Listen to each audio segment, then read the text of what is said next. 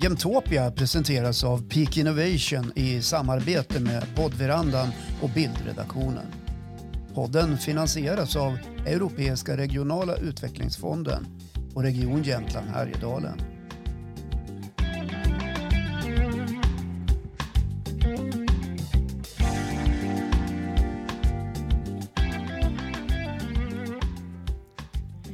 Hej och välkomna till Jämtopia där vi idag har en gäst med bred erfarenhet både av riskkapitalbranschen, startups och ny intressant teknik.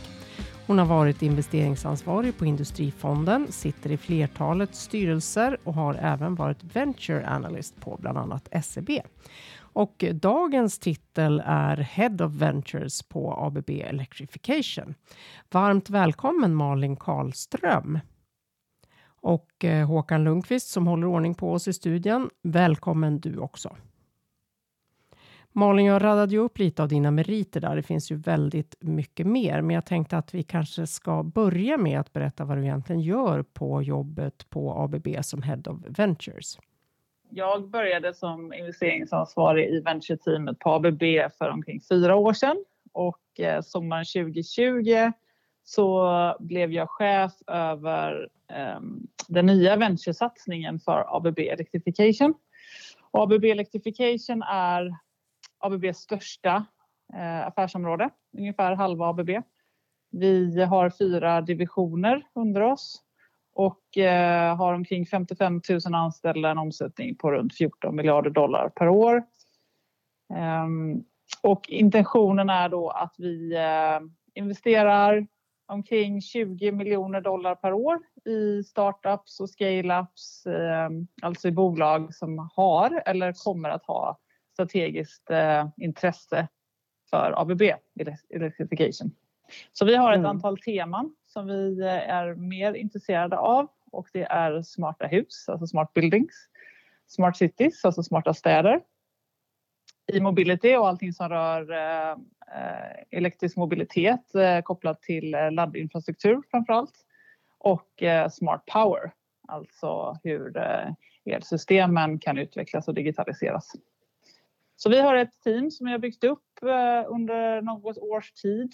Vi är spridda globalt, så vi täcker nästan alla kontinenter vi är eh, flertalet i Europa och det är där vi har gjort flest investeringar.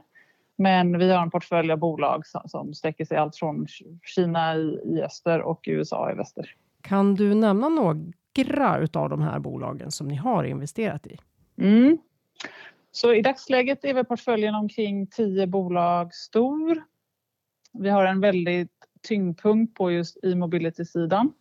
Förra året investerade vi i två sådana bolag. Det ena heter AFC Energy. Det är noterat på Londonbörsen och sysslar med vätgaslösningar. Så de har en teknologi för att utvinna eh, elektricitet från ammoniak via en vätgas och en bränslecellslösning. Eh, och det är då kopplat till, de har installationer kring då laddning för bilar men även nu ett projekt eh, för laddning, laddinfrastruktur på en eh, flygplats där eldrivna flygplan kommer eh, starta och landa. Det är det ena. Sen så investerade vi i ett bolag som heter GoToYou som har en digital plattform, en konsumenttjänst egentligen där du kopplar samman elbilsägare med laddinfrastruktur och ladd laddstolpsägare. Eh, och I denna plattform kan du reservera tid och plats för att ladda din elbil.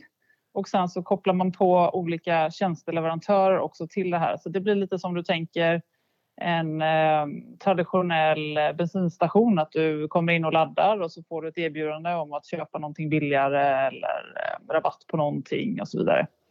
Så det är en, en annan investering vi gjorde. Det är ett eh, bolag som finns i USA och Ukraina och är en alumni från eh, Techstars som är en startup-verksamhet eh, borta i USA. Och en tredje investering vi gjorde förra året är är ett kanadensiskt bolag som heter Brainbox AI. De har en prediktiv algoritm som styr på ett väldigt intelligent sätt din, din HVAC, alltså kyla och eh, värme ventilationssystemet för kommersiella byggnader. Hur går det till när ni hittar bolagen? Hur är själva processen framåt? Precis, det är, det är inte så att vi har brist på, på möjligheter att, att eh, titta på och bolagen kommer in till oss eller vi sourcar dem så outbound på olika sätt. Det är klart att vår, i och med att vi är representerade i över 170 länder världen över så interagerar vi med en mängd bolag på daglig basis.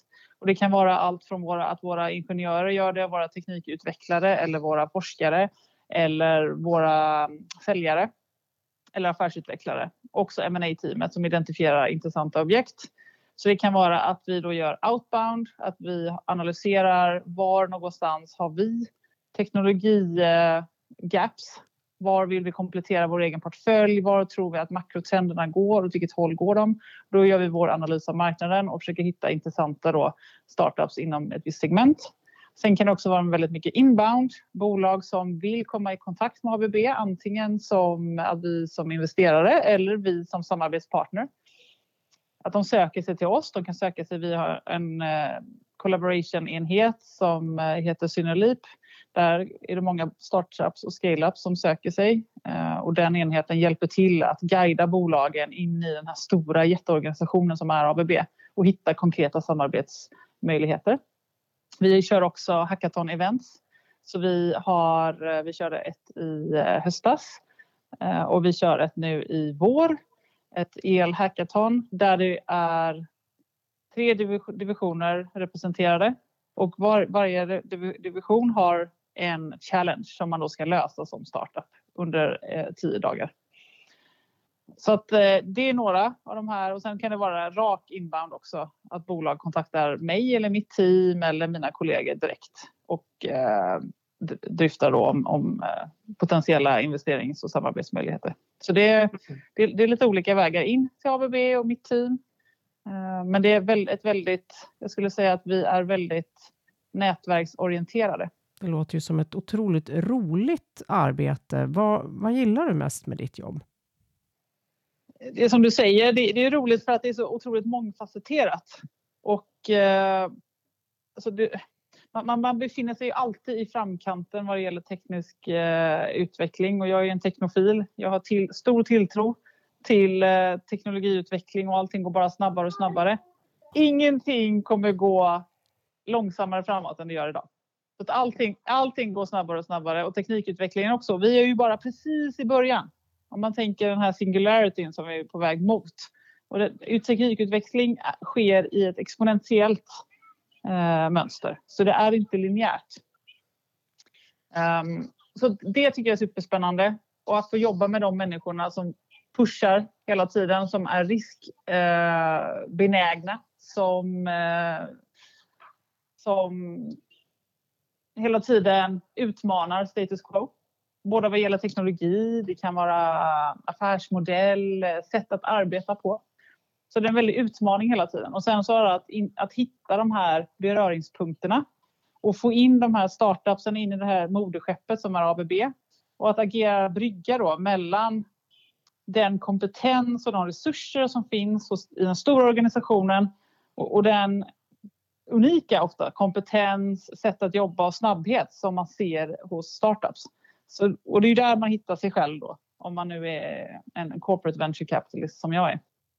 Finns det, ser du, eller finns det egentligen någon gemensam nämnare, tänker du, kring eh, kanske mer kring det personliga planet på de som söker sig till er? Finns det någonting där alla liknar varandra på något sätt? Det är ju oftast, eller alltid, ingenjörer i botten i och med att det är väldigt tekniskt det här eh, och det är ett industriellt och ett B2B-fokus. Så att eh, det, det, finns en teknikkompetens och aptit hos alla oavsett om det är hårdvara eller mjukvara. Det är det första. Sen entreprenörer som lyckas är ju eh, de är riskbenägna men allting handlar om kalkylerad risk. De kan tänka tre steg framåt och kan ta väl av, avvägda beslut. Eh, och jobbar på ett strategiskt sätt redan från start. Det tycker jag att det är liksom signifikant för, för lyckade entreprenörer som vi stöter på. Är det också egenskaper som ni söker efter då? Ja, absolut. Ja, vi ska stanna till lite vid ett begrepp här som kanske inte alla hänger med på. Singularity nämnde du att vi är på väg mot. Har du lust att förklara vad det begreppet betyder i din värld? Ja, när AI är så självprogrammerande att teknikutvecklingen sker lite av sig självt. Det blir ett själv, eh, självpropellerande eh, eller självspelande och självförstärkande effekt av teknikens eh, vad ska jag säga, läge eller position. Det blir nästan en förstärkning av den exponentiella teknikutvecklingen som vi ser. Jag tycker det är ganska intressant när man ser den här, om du ser en jämförelse, om, om du var nedsövd liksom för på 1600-talet och så vaknar du 50 år senare så skulle du känna igen dig själv. Inte mycket skulle ha förändrats. Och sen kan du ju göra den jämförelsen genom seklerna. Och det är klart att skulle du, skulle du sövas ner för 50 år sedan och vakna upp idag så skulle du inte känna igen dig för fem öre. Och det, det, det, är ett sätt att tänka på hur snabbt de här stora teknikkliven tar.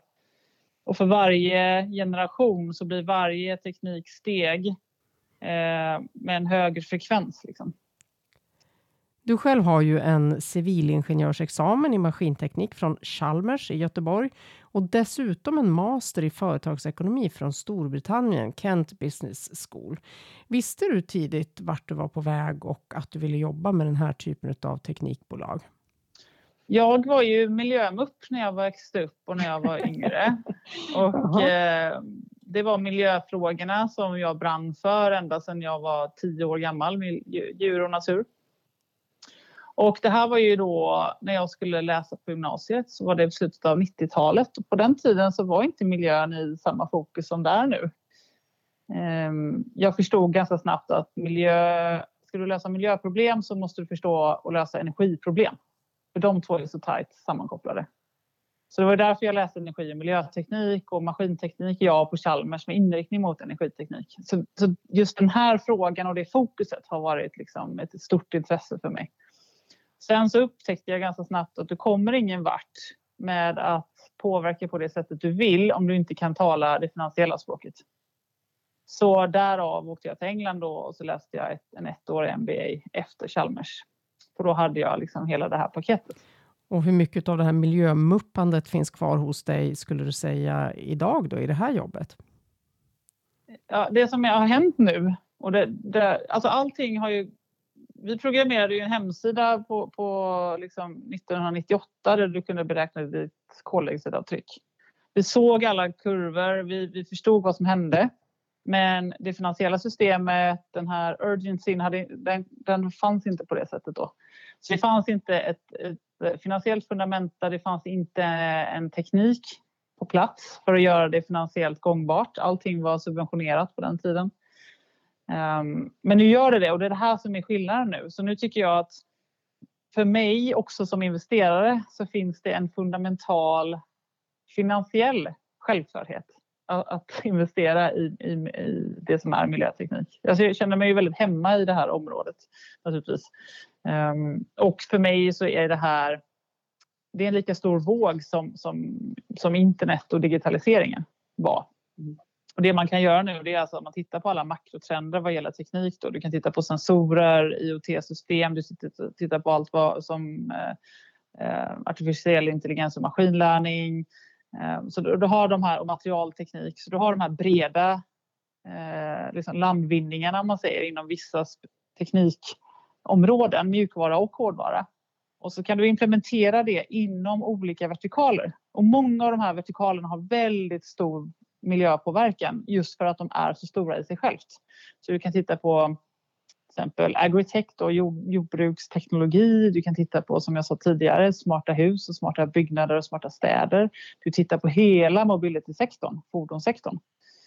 Eh, och, och det, därför det blir så otroligt självklart, tycker jag, att hitta, Eh, att fortsätta investera i det här området. Och det, och det är liksom indirekt, det blir ju egentligen att ABBs investeringsfilosofi handlar just om sustain tech och, och miljöförbättringar i och med att vi tittar på digitalisering och elektrifiering av hela samhället. Så indirekt så blir det ju eh, en extremt positiv miljöpåverkan i allt det vi sysslar med. Så för mig så går det här väldigt mycket hand i hand just nu. Du investerade ju när du jobbade då på Industrifonden i en app som var en fiskeapp, Fishbrain, 2013. Den har ju blivit en hejdundrande succé, vilket kanske inte alla riktigt trodde då. Vad var det som gjorde att du trodde på just den idén just då? Vad roligt att du jag fick en påminnelse från Facebook. Jag hade klippt ut en sån här artikel, en liten pappersartikel från Dagens Industri när jag gjorde den här investeringen. Och då tror jag att jag eh, berättade för journalisterna att vi hade 150 000 nedladdningar och sånt där. Eh, och nu är det ju många, många miljoner och det är fortfarande så tesen då, min tes då, det var att eh, det var två saker. Dels att de här nätverks och communities blev mer och mer specialiserade det blir ju ett monopol och det, du har ju ett monopolistiskt eh, det finns en monopolistisk, eh, liksom monopolistiska krafter när det gäller mjukvara och data. För den är också exponentiell i sin natur. Så har du ett försprång så med tiden så växer det här försprånget. Vi ser ju det på Google och Facebook och den här liknande typen av tjänster. Så du kan inte gå in och konkurrera mot ett generellt nätverk i och med att det redan fanns de här communities etablerade. Men mm. nischade nätverk fanns inte. Så, och, eh, så Fishbrain på den tiden var störst. Man hade 150 000 nedladdningar och man hade noll i omsättning, men man var fortfarande störst. Och det i kombination med amerikanska konkurrenter som har ett sämre UX. Generellt sett så är Sverige extremt duktiga på UX. Du ser ju det inom eh, alla typer av konsumentprodukter digitala som Spotify, eh, även Klarna, eh, all form av spelutveckling och så vidare. Så det var de, de, de, två, mm, de två bitarna som gjorde att jag vågade tro på, på Fishbrain på den tiden. Tvivlade du någonsin? Nej, det var ju en... Det finns alltså, så här är det med alla bolagsresor. Det finns inget som bara tickar på uppåt. Det, det, det, är upp och ner i, och det är utmaningar i, i alla tillbolag, tillväxtresor. Mm. Um, och det är klart att man kan sitta så här i hindsight och tycka att, man, att allting var självklart. Det är det ju inte i stunden. Men det fanns en... Um, bolaget har ju haft en, en underliggande tillväxt som har varit ganska konsekvent. Och sen har det handlat om att hur man sedan kapitaliserar på sin användarbas. Om vi återvänder till ABB då eh, och, och, strategin för ett eh, corporate venture som, som ABB. Investerar ni mest i bolag som helt passar in i strategin eller är det lite mera fritt? Mm. Så vi, vi investerar ju ur ett portföljtänk och vi har en portföljteori. Vi vill ha en spridning på bolagens riskprofil och det handlar om dels time to market, alltså hur väl, väl utvecklade är de i sin underliggande teknologi. Och det handlar också om närheten, då, proximity till ABBs nuvarande erbjudande. Och så delar vi upp de här bolagen i, i, i en matris där du har i översta högra hörnet har, de, har du de mer liksom disruptive, um, high tech, lite mer far from core från ABB sett. Och sen i nedre vänstra hörnet har du mera partnertyplika eh, investeringar där du kanske har en eh, kortare tid till marknad, du ligger närmare ABB i vår, eh, vad, vad, vi redan har i vår produktportfölj och i vårt erbjudande. Och så hittar vi då bolag som passar in i de här olika rutorna så att säga. Eh, och vi vill ha den här spridningen. Så att det kan ju vara, vara sånt, och det ska man vara medveten om när man tänker på strategiska investerare, att man kan ju vara olika nära som strategisk investerare. Så att vi investerar i ett bolag, ett materialteknikbolag som heter Graphmatech som eh, utvecklar eh, grafen. Och ABB kommer ju aldrig bli ett materialtekniksbolag. Så att vi är där en, en mindre så att säga, strategisk investerare än till exempel när vi investerar i bolag som ligger nära vår till exempel laddinfrastruktur. Och vi har också mm, förvärvat okay. några av de bolagen som vi investerat i, i det området. Mm. Så vi försöker ha lite olika tidsperspektiv, saker som är nära här och nu och sen saker som har en mycket högre riskprofil och där vi inte än vet hur marknaden, vart marknaden är på väg. Finns det ett business case? Är det relevant för ABB? Är det den vinnande teknologin? Det kan vara så att vi går på ett spår och sen har startat någonting som egentligen är eh, går i, konflikt med det som vi gör. Men då blir det ju sätt för oss också att skicka upp en testballong i marknaden att doppa tårna, tårna i, i en alternativ eh, lösning. Mm. Ehm, om vi tittar på elindustrin då, vad tror du är de nästa stora idéerna, eh, projekten att investera i inom el, elindustrin? Så det som händer och det som det har vi ju nära alla som betalar en elräkning idag har ju erfarenhet i Sverige av ja. vad som händer när du, när du inför då renewables på näten till exempel. Att du får väldigt fluktuerande eh, utbud av el. Mm. Du får ha, och sen kombinerar du det här med ett fluktuerande efterfrågan med fler och fler devices. Du ska elektrifiera en fordonsflotta. Du ska elektrifiera industrin. Du har solceller på folks tak. Ehm, du går från oljepannor till värmepumpar och så vidare. Så du får väldigt eh, stora makrosystem, också mikrosystem som är ehm, känsligare för frekvensförändringar, för uttag och, in, eh, input på, på de här ehm, i, i nätverken. Och det här måste du hantera. Så du måste hantera fluktuationer, du måste göra elnäten smartare. Du behöver adressera till exempel eh, i USA till exempel och Kalifornien har du enorma problem med, med skogsbränder som ofta startas av eh, att, att någonting händer med elnäten. Du får gnistbildning till exempel. Mm. Sådana här saker. Ehm, och det handlar ju om att övervaka smartare, bygga smartare, prediktiva lösningar. Där du måste ha en blandning av då en hårdvara, sensor, och en mjukvara som kan läsa av signaler. Det är en sån där eh, sak. Sen naturligtvis elektrifieringen som vi sa tidigare med fordonsflottan. Det fortsätter ju med full kraft. Så där, där är vi som sagt väldigt eh, fokuserade på att ligga i framkant och investera i intressanta teknologier och startups som gör våra korkade burkar smartare. Och sen det här med smarta städer och smarta byggnader. Också hur du styr dem. Jag menar, ta Brainbox då till exempel som eh, kan minska eh, onödig energi och elanvändning med upp till 30 procent. Och byggnader står för ungefär 40 procent av alla, all elanvändning i världen. Så det har en enorm impact om du kan rulla ut det här på en stor skala.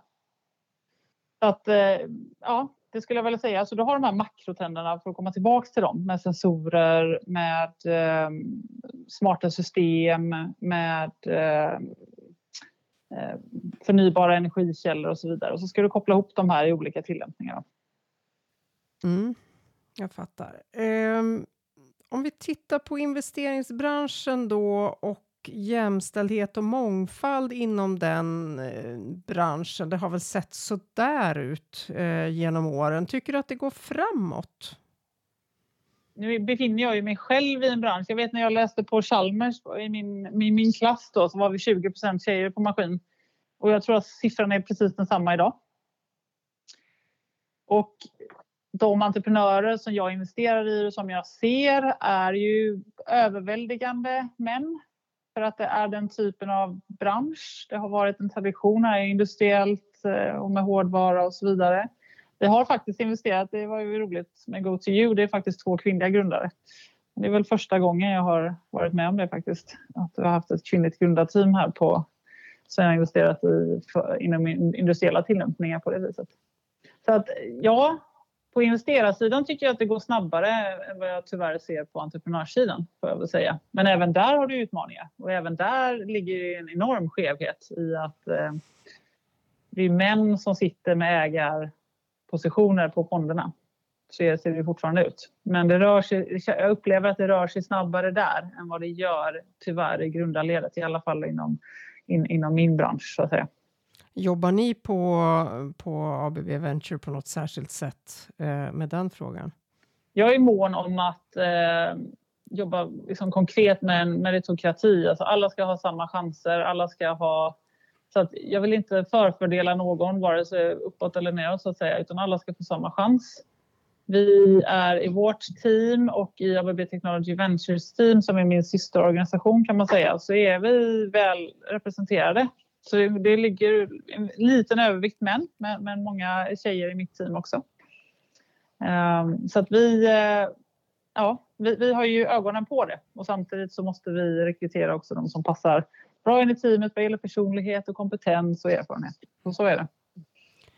Om man tittar på finansieringen då av tillväxtbolag så finns det ju de klassiska ägarkapital och lån förstås. Finns det andra verktyg som, som används eh, för finansiering idag?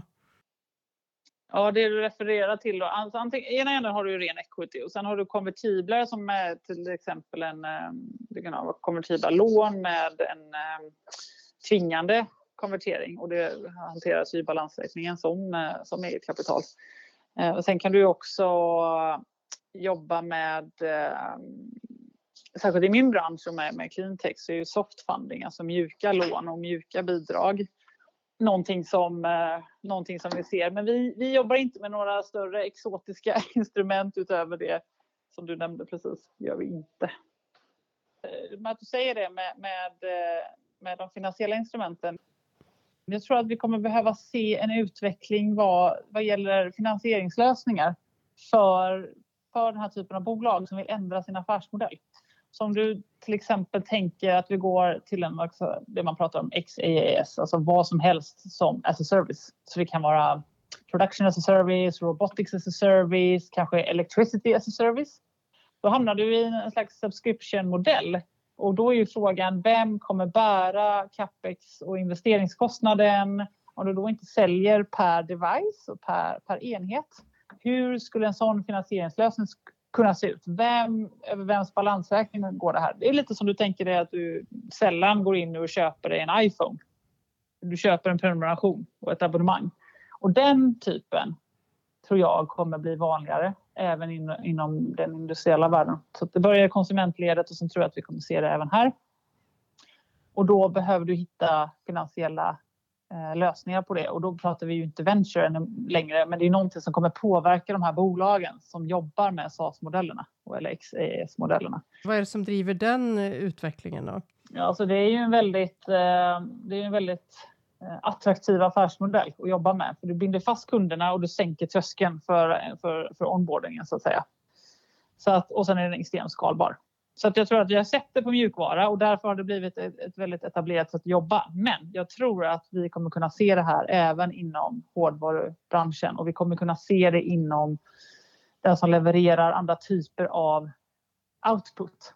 Eh, om det nu inte är licens och mjukvarubitar vi pratar om. Det tror jag att vi kommer kunna se framöver och där behövs det lösningar, finansieringslösningar och det kan ju vara liksom, att eh, ett ABB behöver eller en, en, en stor eh, leverantör blir någon slags, får någon slags eh, finansieringserbjudande eh, eh eller att bankerna gör det eller motsvarande.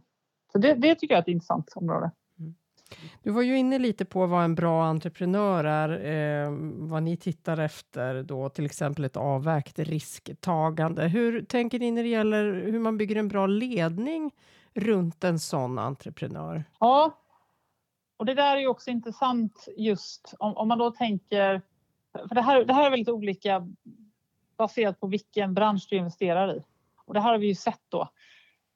His, historien och hur det ser ut nu är ju oftast då att, att bakom våra bolag eller bakom bolag som, som, vi tittar på ligger oftast någon, någon superbrain, in, någon forskare, någon som har patenterat någonting. Det finns en, en eh, uppfinning Um, och det är oftast då ingenjörer, tekniker som ligger bakom det och de är ju oftast inte vana företagsledare eller kommer, har liksom inte erfarenheten här. Så då måste du bygga upp, som du säger, det här teamet runt den här personen.